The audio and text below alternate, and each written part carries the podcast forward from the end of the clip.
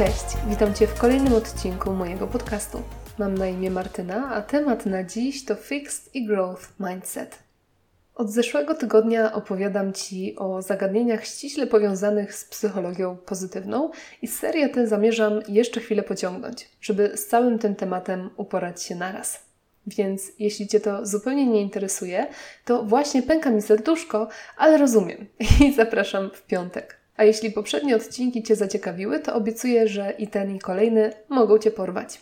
A zwłaszcza ten dzisiejszy, bo temat Fixed i Growth Mindset jest moim skromnym zdaniem super ciekawy i może naprawdę zmienić Twoje podejście do życia. Nie przesadzam, moje zmienił.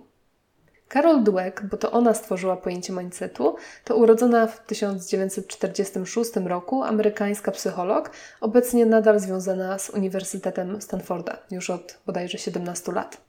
Jest jedną z pierwszych osób, które zaczęły badać, jaki wpływ na nasze życie ma sposób, w jaki postrzegamy naszą inteligencję i zdolności. Badając przez lata motywację, zauważyła i wyróżniła dwa podejścia. Część jej badanych uważała, że inteligencja i talenty to coś, co można i trzeba rozwijać.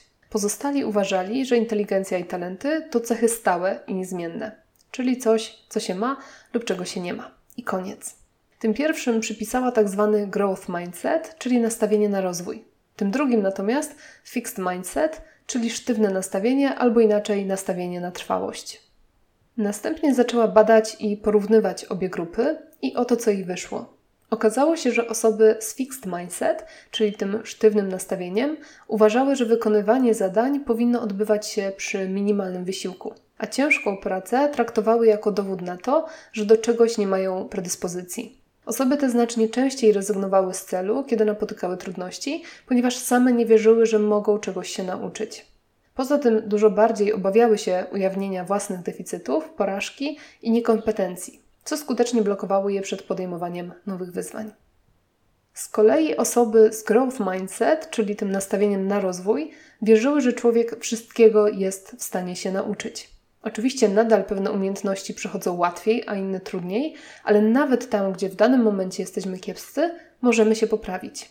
W związku z takim tokiem rozumowania, osoby z growth mindset znacznie częściej poszukiwały możliwości rozwoju, nie miały nic przeciwko ciężkiej pracy, a ewentualne porażki i błędy postrzegały jako możliwość nauczenia się czegoś nowego. Dużo aktywniej konfrontowały się też z własnymi słabościami, rzadziej się poddawały i bardziej ceniły sam proces rozwoju niż nawet dojście do konkretnego celu. Jak pewnie podejrzewasz, obie grupy odnosiły w badaniach różne efekty i nie trudno zgadnąć, która grupa wypadła lepiej. Otóż w przypadku nastawienia na rozwój, przekonania działają jak samospełniająca się przepowiednia. Jeżeli wierzy się, że można się wiele nauczyć i podejmuje się wyzwania, do tego rozwoju faktycznie dochodzi. Ponadto Carol Dweck badaniami udowodniła, że osoby z growth mindset wykazują w ogóle większą chęć uczenia się nowych rzeczy, skuteczniej przezwyciężają swoje niepowodzenia, są mniej skłonne do poddawania się i mają silniejszą potrzebę informacji zwrotnych na temat swojej pracy, co z kolei daje im więcej możliwości do rozwoju.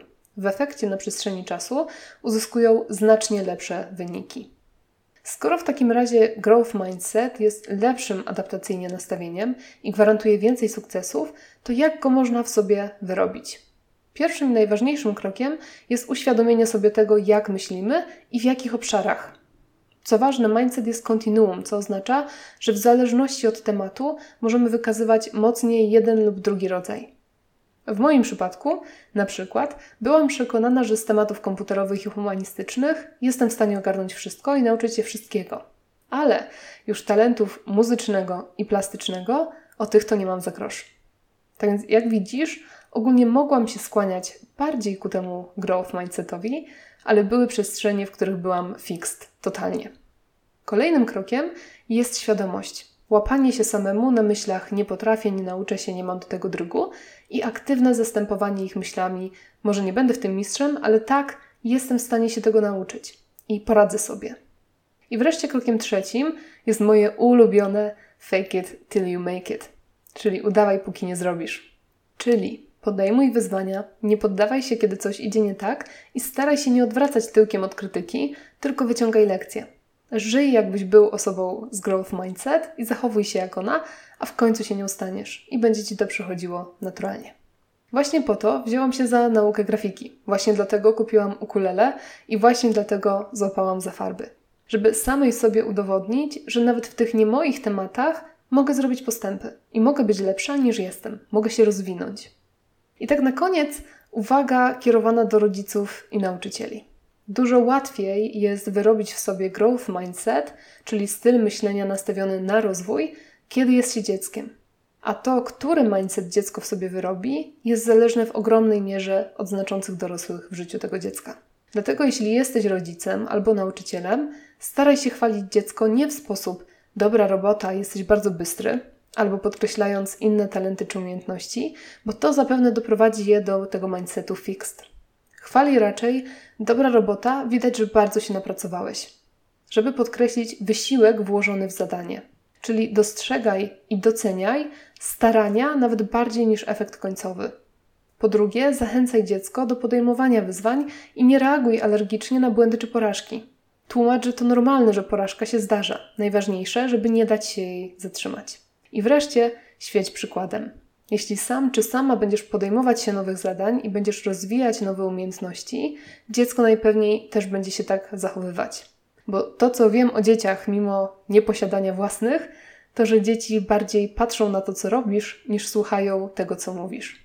Więc jeśli już nie chcesz sam dla siebie wyrwać się z fixed mindsetu, zrób to dla przyszłych pokoleń. No dobra, tą górnolotną myślą kończę dzisiejszy odcinek, bardzo króciutki, ale myślę, że tą główną treść Ci przekazałam i nie ma sensu tego rozwlekać.